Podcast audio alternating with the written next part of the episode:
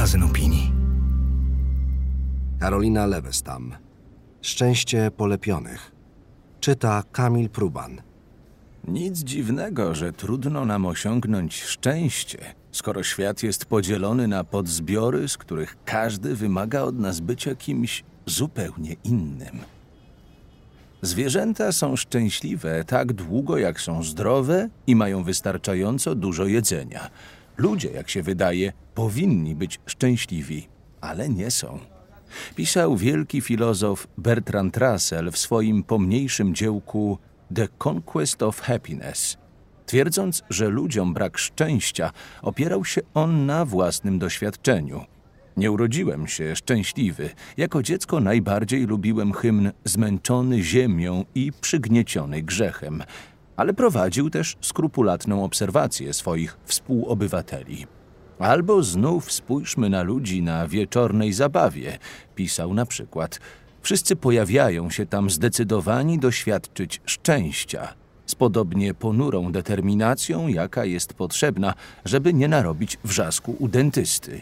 Mówi się, że picie i pieszczoty to brama do radości, więc piją szybko i usiłują nie zauważyć, jak dalece odrażający wydają im się ich partnerki i partnerzy. A po większej dawce alkoholu mężczyźni zwykle zaczynają łukać i lamentują, że są niegodni poświęcenia ich matek. Czytając ten pozbawiony wyrozumiałości opis mieszkańców Ziemi, można się zastanawiać, czy aby nieszczęście Rasela nie wynikało częściowo z braku zaproszeń na przyjęcia. W końcu komu na imprezie potrzebny naburmuszony filozof o surowym spojrzeniu, który nie czka dramatycznie nad ranem Zawiodłem cię, Matulu, jak normalny człowiek. Nie sposób jednak w przywołanym opisie nie zauważyć okruchów prawdy. Czasy, co prawda, ciut się zmieniły i mimo, że wciąż chcemy zbawiać się przez picie i seks, większe nadzieje pokładamy jednak w konsumpcji i sukcesie w społecznościówkach. Z podobnie ponurą determinacją, z jaką nieszczęśnicy Rasela pojawiali się na przyjęciach, my wchodzimy dziś do centrów handlowych czy na TikToka, mając nadzieję, że wreszcie stanie się coś, nowe buty, 300 lajków, co uczyni nasze życie naprawdę szczęśliwym by po wszystkim odkryć, że nie zdołaliśmy uciec od poczucia pustki. Nie wzywamy już tak często matki, być może dlatego, że jej miejsce w panteonie bóstw patrzących z wysoka na naszą marność zajął ideał sukcesu. To jemu się sprzeniewierzamy, nie osiągnąwszy szczęścia, i to on patrzy na nas surowo, gdy okazujemy się niewystarczająco fajni i zadowoleni. Ale nawet jeśli fragmenty obrazu Rasela się zmieniły, jedno pozostało bez zmian. My, mieszkańcy Zachodu, jesteśmy w miarę zdrowi i w większości mamy co jeść, a i tak jesteśmy zaskakująco nieszczęśliwi. Chroniczny brak szczęścia to nasza choroba cywilizacyjna. I nie mówię tu o tych, którym los zgotował potworne przejścia w rodzaju śmierci najbliższych, publicznej hańby, ekstremalnej biedy czy śmiertelnej i bolesnej choroby. Jeśli są nieszczęśliwi, ich nieszczęście jest naturalną odpowiedzią na okoliczności. Nie myślę też o tych, których niezwykła wrażliwość wpycha na wyślizgane wcześniej przez Kierkegaardów, Kamisów i Niczów tory filozoficznej melancholii i każe się poświęcić pisaniu dziennika wypełnionego relacjami z umysłu. Nie chodzi mi też nawet o rosnącą liczbę przypadków klinicznej depresji, choć te statystyki mogą mieć w części podobny rodowód, co powszechny brak satysfakcji życiowej. Mowa tu o, jakby powiedział Russell, zwyczajnej, codziennej nieszczęśliwości, na jaką cierpi większość ludzi w krajach rozwiniętych. Jest ona tym trudniejsza do uniesienia, że nie ma konkretnej przyczyny i dlatego wydaje się nieunikniona. Ja to mam, wy to macie, my to mamy. Poczucie, że mogłoby przecież być lepiej, wygodniej, łatwiej, przyjemniej – że może być lepiej, ale nie teraz, tylko za jakiś czas, jeśli coś zrobimy, zapracujemy, wytrzymamy lub stanie się cud. Nie wiem jak inni, ale ja tylko cztery razy w życiu doświadczyłam poczucia absolutnego dopasowania okoliczności do mojej duszy. Tego stanu, który pozwala na rozkoszne zanurzenie się w chwili z przekonaniem, że nie chce się być nigdzie indziej. Każdą z tych chwil przechowuję w pamięci jak klejnot. Niekoniecznie z nostalgii. Raczej jako przedziwny, rzadki okaz, któremu czasem chce się poprzyglądać bo wszystkie inne chwile są zwykle podszyte lękiem, stresem, smutkiem, cichą desperacją, melancholią. Nawet w najlepszych czasach i najmilszych momentach czujemy w sobie mały, ostry cień. Póki ten cień jest niewielki, stanowi dla nas naturalny element krajobrazu w emocjonalnej podróży przez świat jest jak ciche mlaskanie współpasażera w przedziale czy wtapiający się w tło stukot kół pociągu. Ale ostatnio owo mlaskanie robi się nie do zniesienia. Koła walą w tory jak tysiąc młotów. Pandemia, wojna i panosząca się wokół nich śmierć skutecznie wydłużają każdy cień.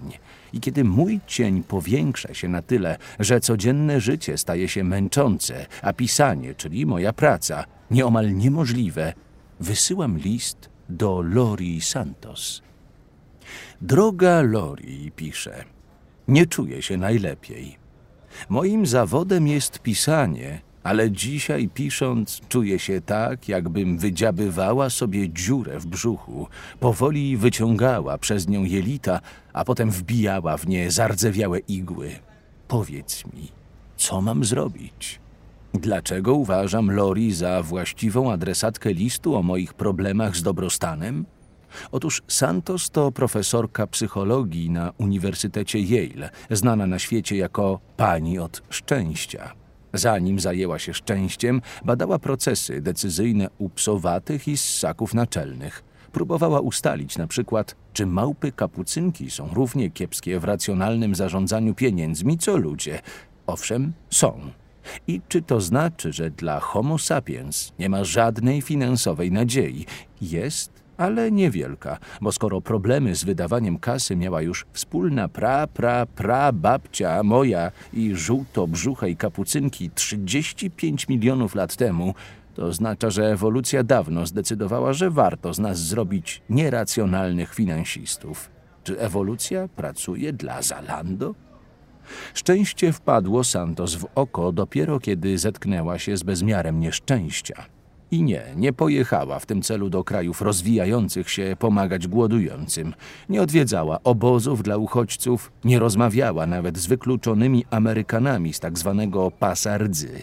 Została na Yale, jednym z najlepszych i najbogatszych uniwersytetów na świecie i, jak niegdyś Bertrand Russell, rozejrzała się porządnie wokół. Już w 2009 roku według badań ACHA American College Health Association amerykańscy studenci byli w fatalnym stanie psychicznym. Ponad 80% z nich czuło się przytłoczonych liczbą obowiązków, 40% było nadmiernie zestresowanych, a jedna trzecia miała depresję.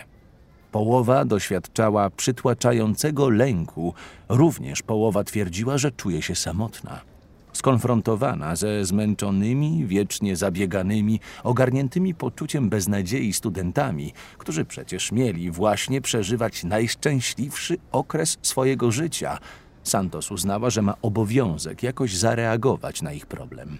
Bo jeśli nawet najbardziej uprzywilejowana młodzież świata jest nieszczęśliwa, to jakie szanse na dobrostan mają inni? Lori postanowiła więc dać swoim uczniom coś, w co wierzyła najmocniej. Naukowe narzędzia naprawcze, sprawdzone przez badaczy sposoby poprawy własnego życia. Podręczny, zapakowany w sylabus zestaw do samodzielnego osiągnięcia szczęścia.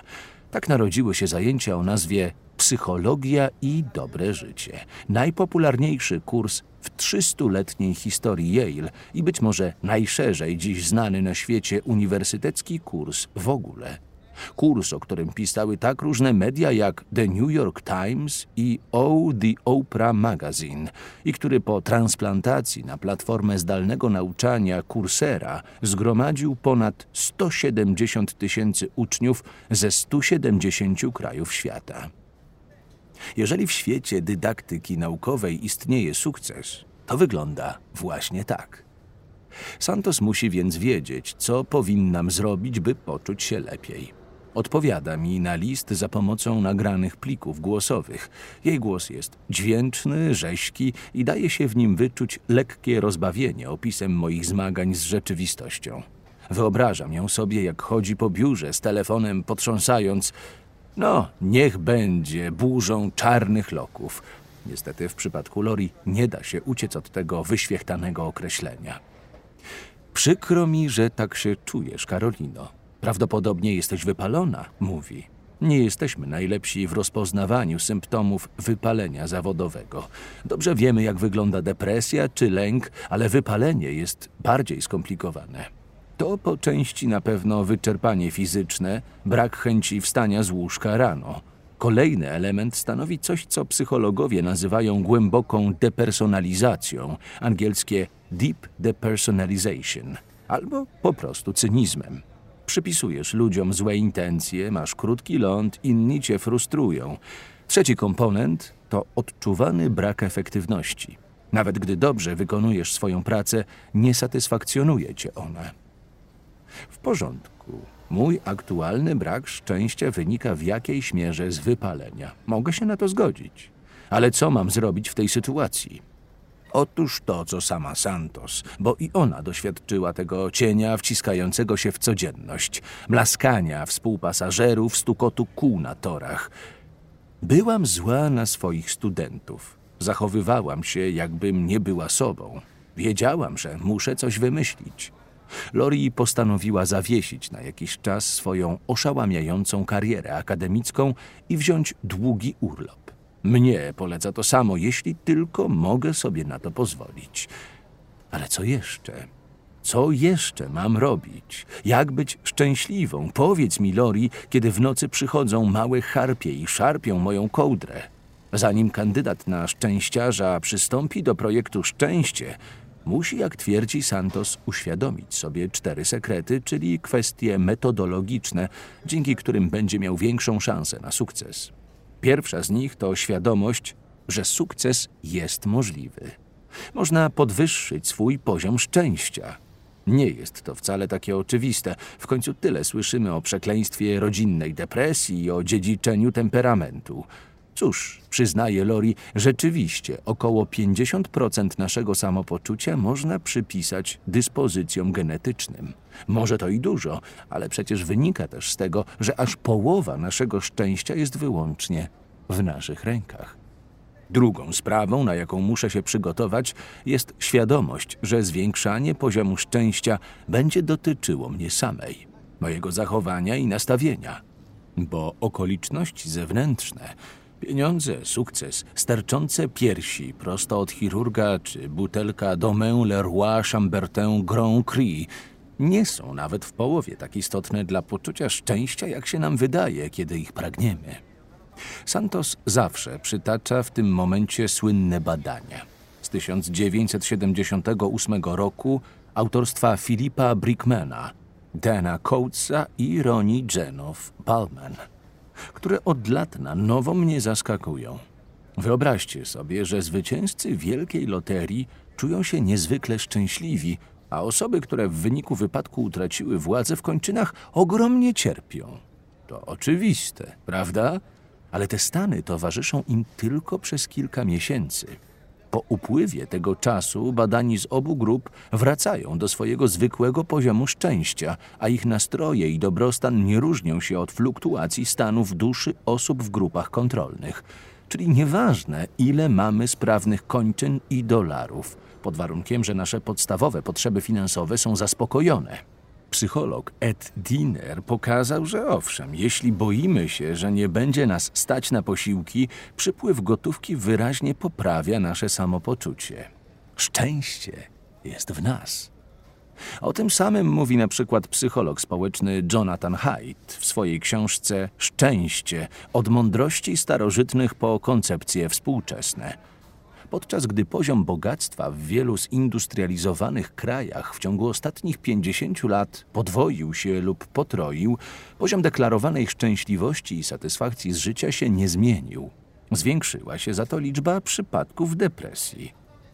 Dobra materialne, w tym brak celulitu czy łysiny, mają podłą przypadłość. Przyzwyczajamy się do nich i przestajemy się nimi cieszyć lub martwić ich brakiem. Jeśli istnieje klucz do szczęścia, to możemy go znaleźć tylko w naszym umyśle. Trzecim sekretem, który Lori Santos zdradza adeptom szczęśliwości, jest to, że liczy się praca, praca i jeszcze raz praca. Nie tylko nie ma bez niej kołaczy, nie ma też zadowolenia z życia. Tutaj Santos często wspomina o czymś, co nazywa błędem G.I. Joe. Nie oglądałam kreskówki G.I. Joe jako dziecko. Moje wczesne dzieciństwo było czasem reksia z rzadkim dodatkiem smerfów. Ale wiem, że rzeczony G.I. Joe zawsze pokazywał dzieciakom rozwiązania istotnych problemów. Co robić, kiedy ktoś zemdleje na stołówce? Jak się zachować, kiedy trzeba przejść przez jezdnię? A, teraz już wiemy, G.I. Joe, mówiły dzieciaki, na co on odpowiadał: Wiedzieć to już połowa sukcesu. Otóż nie. Wiedzieć to nawet nie jedna trzecia sukcesu, mówi Lori. Bo co z tego, że wiemy, co nas uszczęśliwi, jeżeli nie mamy zamiaru tego wcielać w życie? Szczęście jest jak szczupła sylwetka, która znika, gdy tylko zarzucimy zdrowe nawyki żywieniowe, albo jak biceps, który nie przetrwa, jeśli rzadko będzie się widywał z ciężarkiem. Tylko ciągła praca nad własnym zachowaniem może nas do tego szczęścia skutecznie doprowadzić. Czwarty sekret jest ostrzeżeniem. Nie ufaj sobie. Psychologia demaskuje nasz umysł jako wroga własnej szczęśliwości. Otóż w kwestii swojego dobrostanu jesteśmy zwyczajnie głupi i nie mamy pojęcia, co nas uczyni szczęśliwymi. Wróćmy na moment do sekretu numer dwa. Czy byłabym w stanie przewidzieć, że wielka wygrana na loterii uszczęśliwi mnie tylko na krótką chwilę? Nie, jestem głęboko przekonana, że moje życie stałoby się o wiele cudowniejsze, a ja bez końca z uśmiechem na ustach biegałabym po łące w zwiewnej szacie od Valentino, sypiąc dookoła banknotami. Niestety, mylę się. Najpewniej siedziałabym ze skrzywioną twarzą, bo owa szata nie byłaby z najnowszej kolekcji. Czy moja służba potrafi w ogóle cokolwiek zrobić dobrze? Diamentowe buty by mnie obcierały, a słońce miałoby czelność świecić mi prosto w oczy. Badaczka Elizabeth Dunn dowiodła zresztą, że im grubszy portfel, tym mniejsza zdolność cieszenia się drobnymi przyjemnościami, które są ważnym komponentem ogólnej szczęśliwości. Pewnie dlatego, że poczucie finansowej omnipotencji dewaluuje konkretne dobra, bo uświadamia nam, że możemy w przyszłości pozwolić sobie na nie raz jeszcze. Ba, według Dan nawet czekolada opakowana w papier ze zdjęciem dolarów smakuje trochę gorzej. Błędy w ocenie tego, jak wpłyną na nasze samopoczucie rzeczy lub zdarzenia, są częścią niefortunnego okablowania naszego mózgu i określa się je za psychologiem Danielem Gilbertem błędami afektywnego przewidywania występują nie tylko wtedy, kiedy przeceniamy potencjalne komponenty szczęścia, ale i wtedy, gdy niesłusznie boimy się, że coś nas unieszczęśliwi, na przykład starość, która zresztą jest skorelowana ze stopniowym wzrostem poczucia szczęścia, przynajmniej według badań profesora Daniela Mroczka z Uniwersytetu Fordham do 65 roku życia. Gilbert odróżnia też szczęście naturalne od szczęścia syntetycznego. To pierwsze jest wtedy, gdy pragniemy czegoś, bo wierzymy, że to da nam szczęście, a potem to dostajemy. Na przykład zamawiamy wielką bezę z malinami i przynoszą ją nam do stolika. Syntetyczne szczęście jest wówczas, gdy nasze pragnienia się nie spełniają, a my zadowalamy się czymś w zamian. Proszę pani, są tylko śledzie. Błąd hedonistycznego przewidywania sprawia, że jesteśmy przekonani, że tylko szczęście naturalne to prawdziwe szczęście. A tu niespodzianka. To syntetyczne, czyli niejako wytworzone przez nas w umysłowej manufakturze, bywa o wiele bardziej satysfakcjonujące i realne. Gilbert w swojej książce Na tropie szczęścia przywołuje słynny przypadek Morisa Bickhama, który, niesłusznie oskarżony, spędził 37 lat w więzieniu. Czy był naturalnie szczęśliwy? Nie. Na pewno nigdy nie wzdychał do życia za kratkami. Tymczasem po wyjściu na wolność powiedział: Nie żałuję ani jednej minuty. To było cudowne doświadczenie. Jeśli chcesz być szczęśliwsza, przygotuj się do działania wbrew własnym inklinacjom, mówi Lori. Tylko nauka poprowadzi cię tam, gdzie instynkt nie może. No dobrze. Wiem już, że osiągnięcie sukcesu jest możliwe, jeśli będę nad sobą pracować, działając wbrew intuicji. Ale co konkretnie mam robić? Jaką wykonywać pracę? I tu recepta okazuje się zasadniczo dość prosta. Po pierwsze, mam spędzać czas z ludźmi. Santos wspomina często o badaniach Niklasa Epleya i Juliany Schroeder z 2014 roku. Wyobraźcie sobie, że spośród podzielonych na trzy grupy użytkowników metra, ci z pierwszej mieli pogadać z jakimś współpasażerem po drodze do pracy, ci z drugiej mieli się nie odzywać do nikogo, a ci z trzeciej robić to, co zawsze. To przedstawiciele pierwszej grupy cierpieli najbardziej, myśląc zawczasu o swoim zadaniu. Ach, gdyby tak można było normalnie siedzieć w metrze, z nosem w telefonie lub gazecie. Tymczasem okazało się, że ci zmuszeni do zagadania czuli się o wiele, wiele lepiej niż reszta. Spędzaj więc czas z ludźmi, nawet przypadkowymi, w metrze. Efekt cię zaskoczy.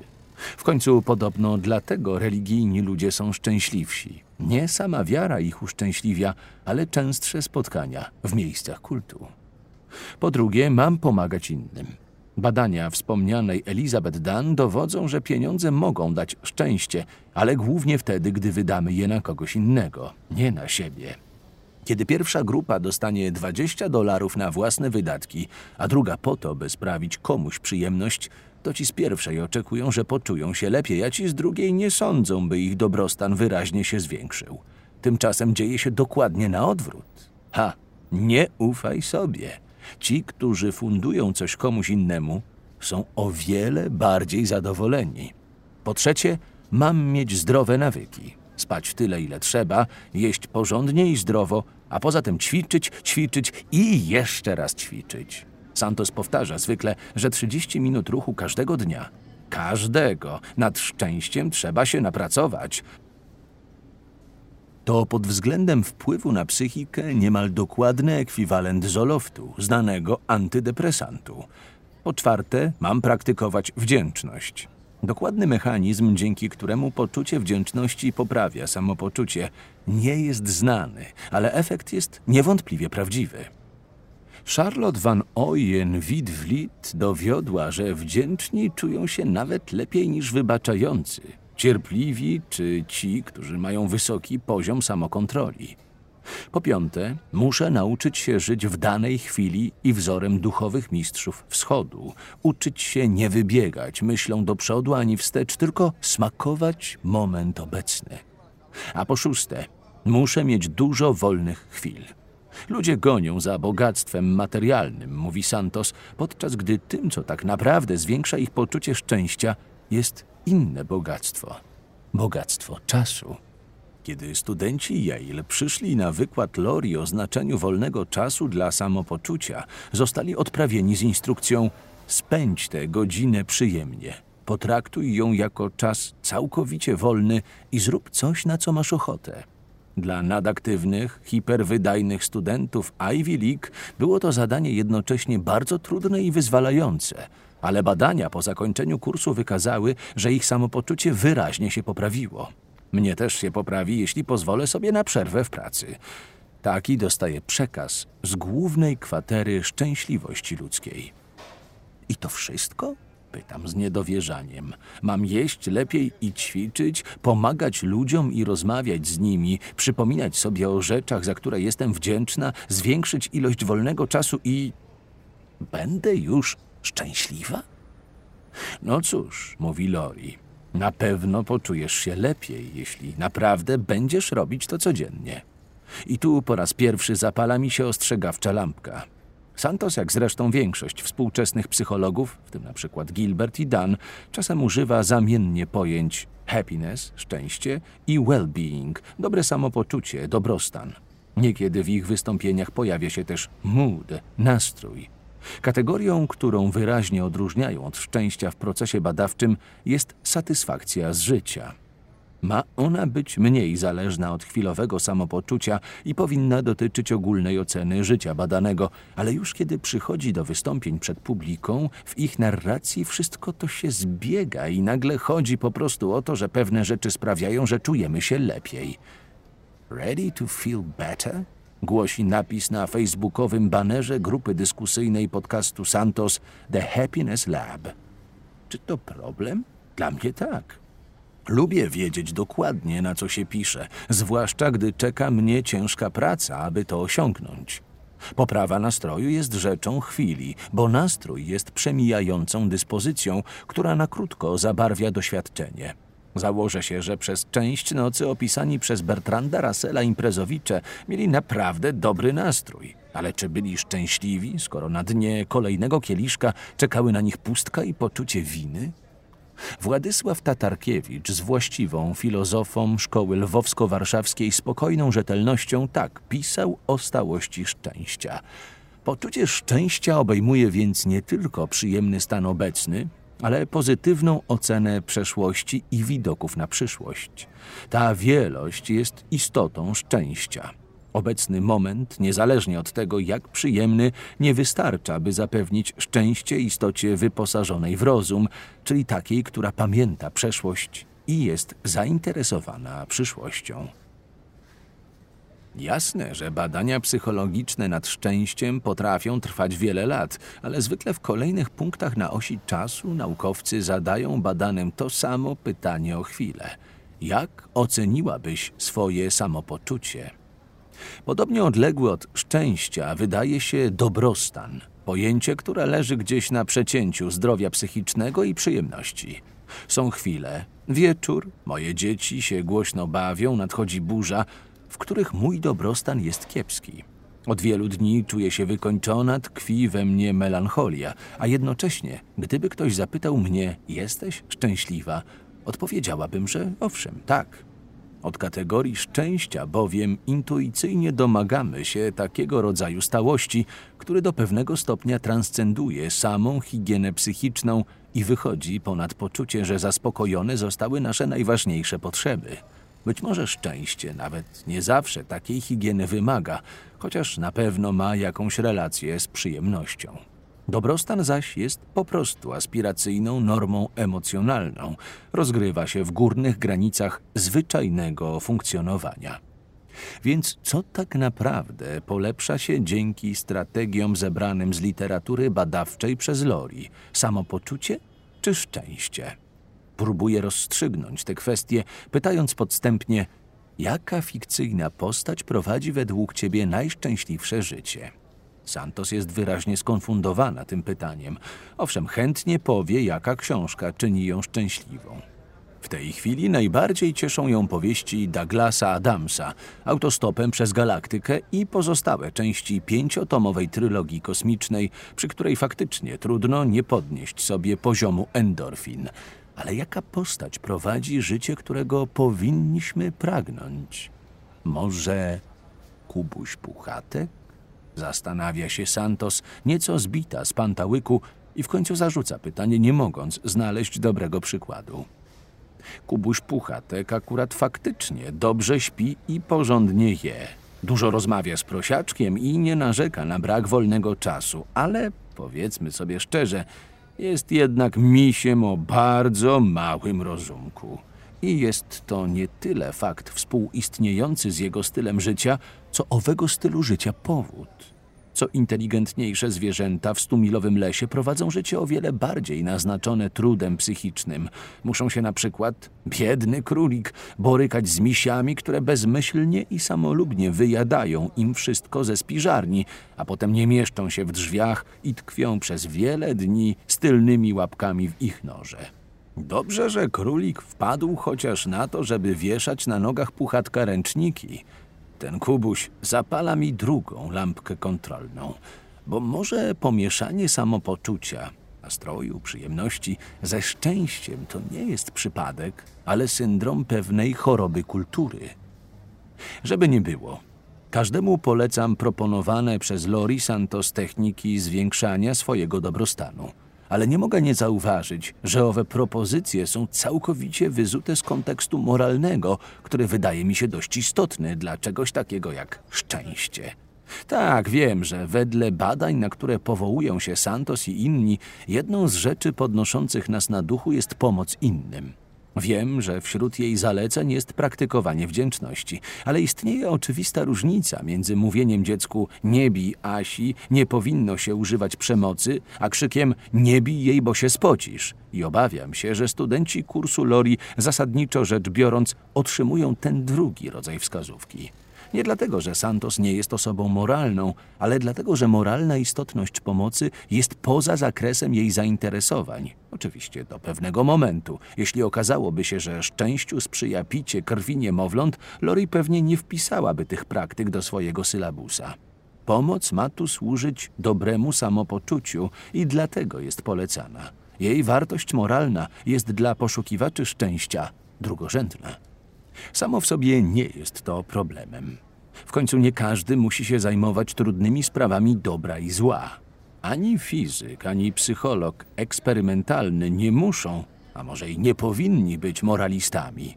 Problem w tym, że Santos jest moralistką niejako z konieczności. Niezliczone rzesze jej studentów, wliczając w to studentów zdalnych z całego świata, nie zapisują się na jej kurs z fascynacji psychologią eksperymentalną, ale przede wszystkim dlatego, że szukają wybawienia ze stresującego, niesatysfakcjonującego i pełnego poczucia zagubienia życia. Ona oferuje im to, co potrafi.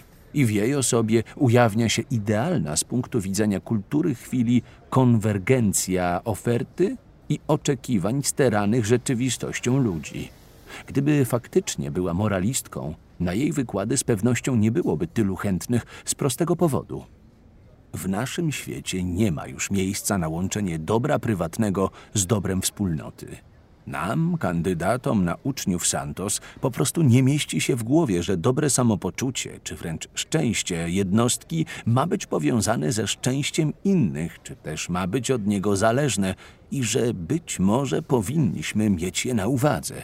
Myślimy o ludzkim życiu, w tym życiu psychę, prawie wyłącznie w kategoriach indywidualnego zdrowia, nie zaś wspólnego dobra. Ale jak sądzę, w takim ujęciu gubimy gdzieś ważny i konieczny komponent szczęśliwości.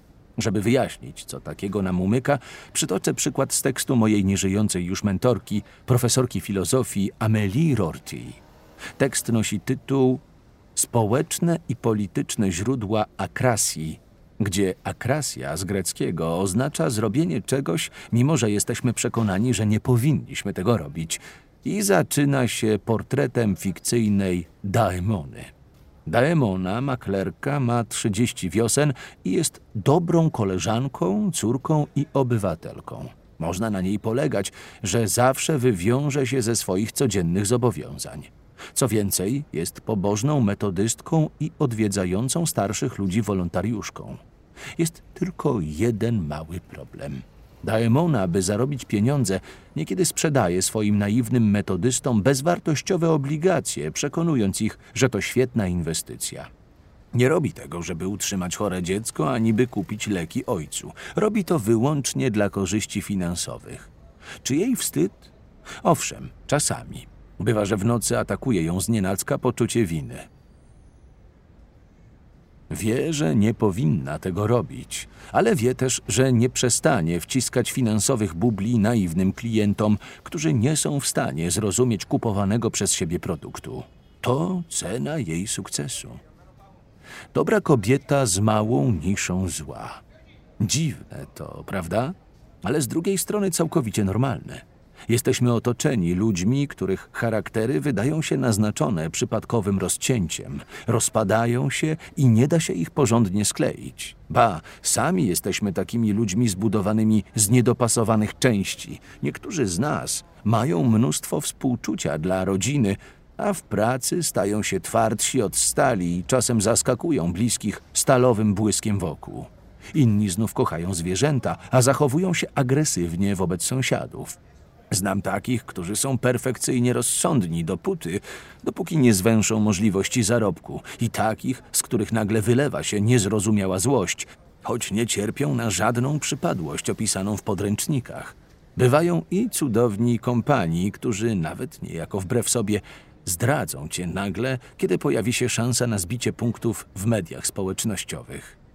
Kiedy i jak ludzie tacy jak Daemona doświadczają zniekształcania czy dezintegrowania charakteru z własnej woli działając wbrew swojemu najlepszemu osądowi, pyta Rorty i odpowiada.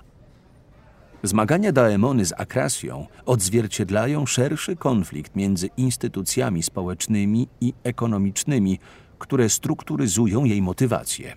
Innymi słowy, jej akrasja wyraża napięcie między metodystycznymi ideałami społecznej posługi a atrakcyjnością bogatego i przyjemnego życia. To nie jedyne napięcia w krajobrazie polityczno-społecznym, jakie wpływają na napięcia wewnątrz charakterów. Są jeszcze napięcia między kosmopolityczną miastowością a małomiasteczkowym domatorstwem, między obywatelskością a etnicznością. Dorzucę do tego napięcie między ideałami głębokich relacji a sposobami na kreowanie własnej marki na Twitterze i Facebooku, albo między dobrymi stosunkami w rodzinie a wiernością dogmatom politycznym. Dobrze znają to ostatnie ci, których rodzina głosuje nie tak, jak powinna. Rorty zwraca uwagę na to, że dużą częścią cienia, którego ostrze kłuje mnie, Daemone i większość z nas, jest rozłam, który ma miejsce poza nami i nie zmieni się wraz ze zmianą naszego nastawienia. U Arystotelesa szczęście, eudaimonia, oznaczało aktywne, umysłowo, politycznie, zawodowo, życie człowieka o dobrym, spójnym, cnotliwym charakterze, przeżywane w obrębie stabilnego miasta zorganizowanego wedle właściwych wartości. Tak jak starożytni Grecy, również i my nie jesteśmy samotnymi wyspami – Nasze dusze kształtowane są w ramach polityczno-ekonomicznych wspólnot współczesnego polis, ale nasze polis jest niespójne i posklejane z gliny, piasku i żelaza. Nic dziwnego, że trudno nam osiągnąć szczęście, skoro świat jest podzielony na podzbiory, z których każdy wymaga od nas bycia kimś zupełnie innym. Rozumiecie, jaki jest problem Daemony? Nie może być całkiem szczęśliwa, bo toczą w niej walkę dwie sprzeczne wizje życia. Z jednej strony jest maklerką, która powinna być bezlitosna, zorientowana na sukces, niesentymentalna. Uczestniczy w instytucjonalnie opartym na zazdrości i chciwości późnym kapitalizmie. Z drugiej strony, we wspólnocie religijnej uczono ją współczucia i miłosierdzia, postawy obywatelskiej. Każda z tych dróg wyklucza sukces w drugiej. Próba podążania obiema naraz skazuje Daemonę na wieczne poczucie nieadekwatności i głębokie, nieusuwalne napięcie i stres. Czy Daemona mogłaby wybrać jedną drogę? Podążać nią konsekwentnie i zostać rekinem z Wall Street, albo po prostu dobrą metodystką. Rorty obawia się, że to trudne, zwłaszcza, że Daemona jest nie tylko metodystką i maklerką, ale także córką, przyjaciółką, obywatelką, kobietą i pracownicą. Każda z tych ról w społeczeństwie kiepsko uporządkowanym pod względem moralnym może stać w sprzeczności z resztą. Coraz bardziej widoczne i ostre konflikty między różnymi interesami społecznymi i zakładany rozdział sfery publicznej i prywatnej blokują możliwość wewnętrznej integracji, pisze Rorty. Często dzieje się tak, że osoba, która próbuje zjednoczyć zróżnicowane i sprzeczne kierunki formowania nawyków charakteru przez rzeczywistość społeczno-ekonomiczną, może tylko dodać jeszcze jeden głos do kakofonii, jaką jest jej jaźń. A gdyby jednak się udało? Owszem, to możliwe, ale nie udawajmy, że nie łączyłoby się to ze stratą, albo prywatną, albo finansową. Kakofonia jaźni w posiekanym świecie jest jednak jakimś rodzajem homeostazy. Kiedy myślę o daemonie, zaczynam widzieć, że większość mojego cierpienia powszedniego to wynik przeciągania liny między różnymi podzbiorami mojego istnienia w świecie społecznym. Jestem matką, która żałuje, że nie jest bardziej pisarką, a więc czasem chce uciec od swoich dzieci. Jestem autorką, która chciałaby być lepszą matką, dlatego nigdy nie zdoła napisać pewnych rzeczy, bo dzieci też przecież potrafią czytać, a poza tym matka nie ma prawa do niektórych myśli. Jestem samozwańczą kosmopolitką, która pragnie przynależeć do czegokolwiek, niech będzie i do narodu, i Polką, która się wstydzi polskości, bo jest przecież światowa. Jestem kobietą, więc chcę wzbudzać pożądanie. Jestem już w średnim wieku, w którym trochę mi się nie chce, a poza tym nie wypada. Tych napięć jest masa i w rezultacie w żadnym podzbiorze świata nie czuję się u siebie. Moją jedyną nadzieją jest utworzenie różnych kukiełkowych osobowości, które wyciągam, kiedy przychodzi ich moment. Oszukuję metodystów i odwiedzam samotne staruszki. Nic dziwnego, że zachowuję się jak znajomi Russella. Kiedy za dużo piję, zaczynam łkać, że zawiodłam swoją matkę. Jak to się ma do szczęścia? Santos, Gilbert czy Dan nie zauważają, bo nie muszą, że szczęście to sprawa nie tylko osobista, to także sprawa polityczna. Niekoniecznie dlatego, że polityka powinna dbać o nasz dobrobyt materialny i sprawiać, że pociągi jeżdżą na czas, dzieci otrzymują godziwą edukację, a każdy ma dobrą pracę. Raczej dlatego, że podmiotem szczęśliwości może być tylko ktoś, a nie zlepek różnorakich ktośów. I ta spójność wewnętrzna, ta jedność charakteru nie może się ziścić, kiedy w pracy dobrem jest X, a w domu dobrem jest Y. Kiedy szkoła zupełnie różni się od innych instytucji, a instytucje od siebie nawzajem, kiedy dobre dziecko jest kiepskim szefem, a wzorowy uczeń fatalnym pracownikiem. Kluczem do szczęśliwości jest nie tylko indywidualistyczne stosowanie poprawiających nastrój strategii, lecz także zapewnienie nam wszystkim środowiska, w którym wartości i cele są jako tako zintegrowane, a więc pozwalają na wykształcenie spójnej, również na osi publiczne, prywatne, tożsamości. I tak właśnie wspólna moralność przynosi osobiste szczęście. Tymczasem jesteśmy, jak śpiewał Fisz, polepieni. I w tym polepionym stanie jedno, co nam się może udać, to nie arystotelejska eudaimonia, nie szczęście, ale lepsze samopoczucie, mniej płakania w poduszkę, trochę mniej wypalenia, ciut mniej stresu. Aby to osiągnąć, z całego serca polecam więcej snu, rozmawianie z ludźmi w metrze, wieczorną litanię wdzięczności, czas wolny i ćwiczenia. Będzie nam po prostu lepiej. Kto nie wierzy, niech zapyta Kubusia Puchatka. Tekst ukazał się w 56. numerze miesięcznika Pismo, magazyn opinii, czytał Kamil Pruban.